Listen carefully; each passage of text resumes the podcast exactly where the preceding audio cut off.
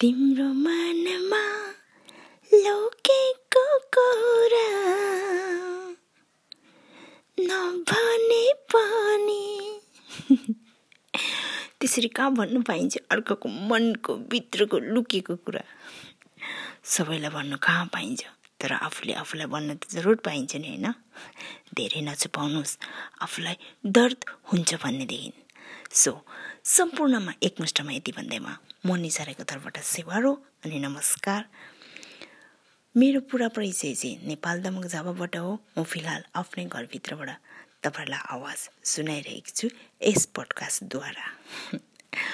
थाहा छैन कसरी हो किन हो? सानो हुँदा बामे सर्दाखेरि बोल्नु नजान्दाखेरि कति साह्रो गाह्रो हुन्थ्यो र बल्ल बल्ल सिकेर।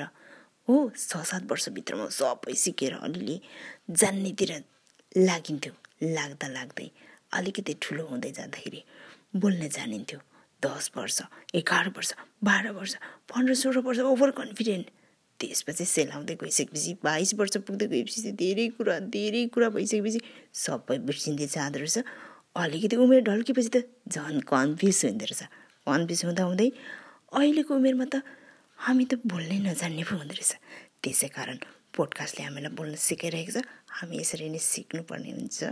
कहाँ गलत हुँदैछ कहाँ सही हुँदैछ भन्ने कुरा फेरि रिभाइन हुँदो रहेछ। हाम्रो जिन्दगी भनेको नै रिभाइन रिस्टार्ट एन्ड रिस्टार्ट हुँदो रहेछ। सो रिस्टार्ट गरिरहेको छु। फिलहाल मेरो सानो जागिर भनौँ या बिजनेस भनौँ फिलहाल मैले सानो फिटनेस हल खोलिरहेको छु।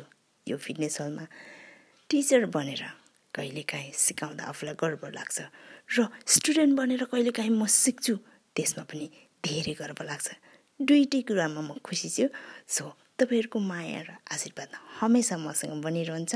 अगर बनेन भने जबरजस्ती बनाउने कोसिस गरिरहेको हुन्छु। सो यति भन्दैमा भित्रभित्र मेरो मनमा लुकेको कुरा चाहिँ के रहेछ त भन्ने कुरा पत्ता लगाउनुलाई खोज्ने प्रयास गर्दछु। त्यो चाहिँ तपाईँहरूले पनि मद्दत गरिराख्नु भएको छ। अन्जानमै चाहिँ मलाई हेल्प त गरिराख्नु भएको छ। त्यो तपाईँहरूले भन्नु पर्दैन मैले बुझि नै राखेको हुन्छु। सो फियर भनेको के हो? अरे इङ्ग्लिसबाट त डर नै त होला नि होइन? त्यो डरमा चाहिँ के लुकेको छ त भन्ने कुरा हामीले मिलेर चाहिँ खोज्ने प्रयास गर्नुपर्छ। डरभन्दा बाघ भालुको डर होइन नि फेरि। आफ्नो मनभित्रको डर। यसरी पोडकास्टमा बोल्ने डर यसरी फेसबुकमा लाइभमा आउने डर यसरी संसारमा प्रचलित भएर चाहिँ ओ हलो के छ कसो छ भनेर माइकमा बोल्ने डर।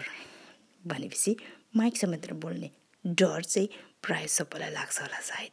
कोसिस गरौँ कस्तो हुँदो रहेछ? के हुँदो रहेछ? आउनुहोस् मेरो साथ। यति भन्दैमा सेवार नमस्कार।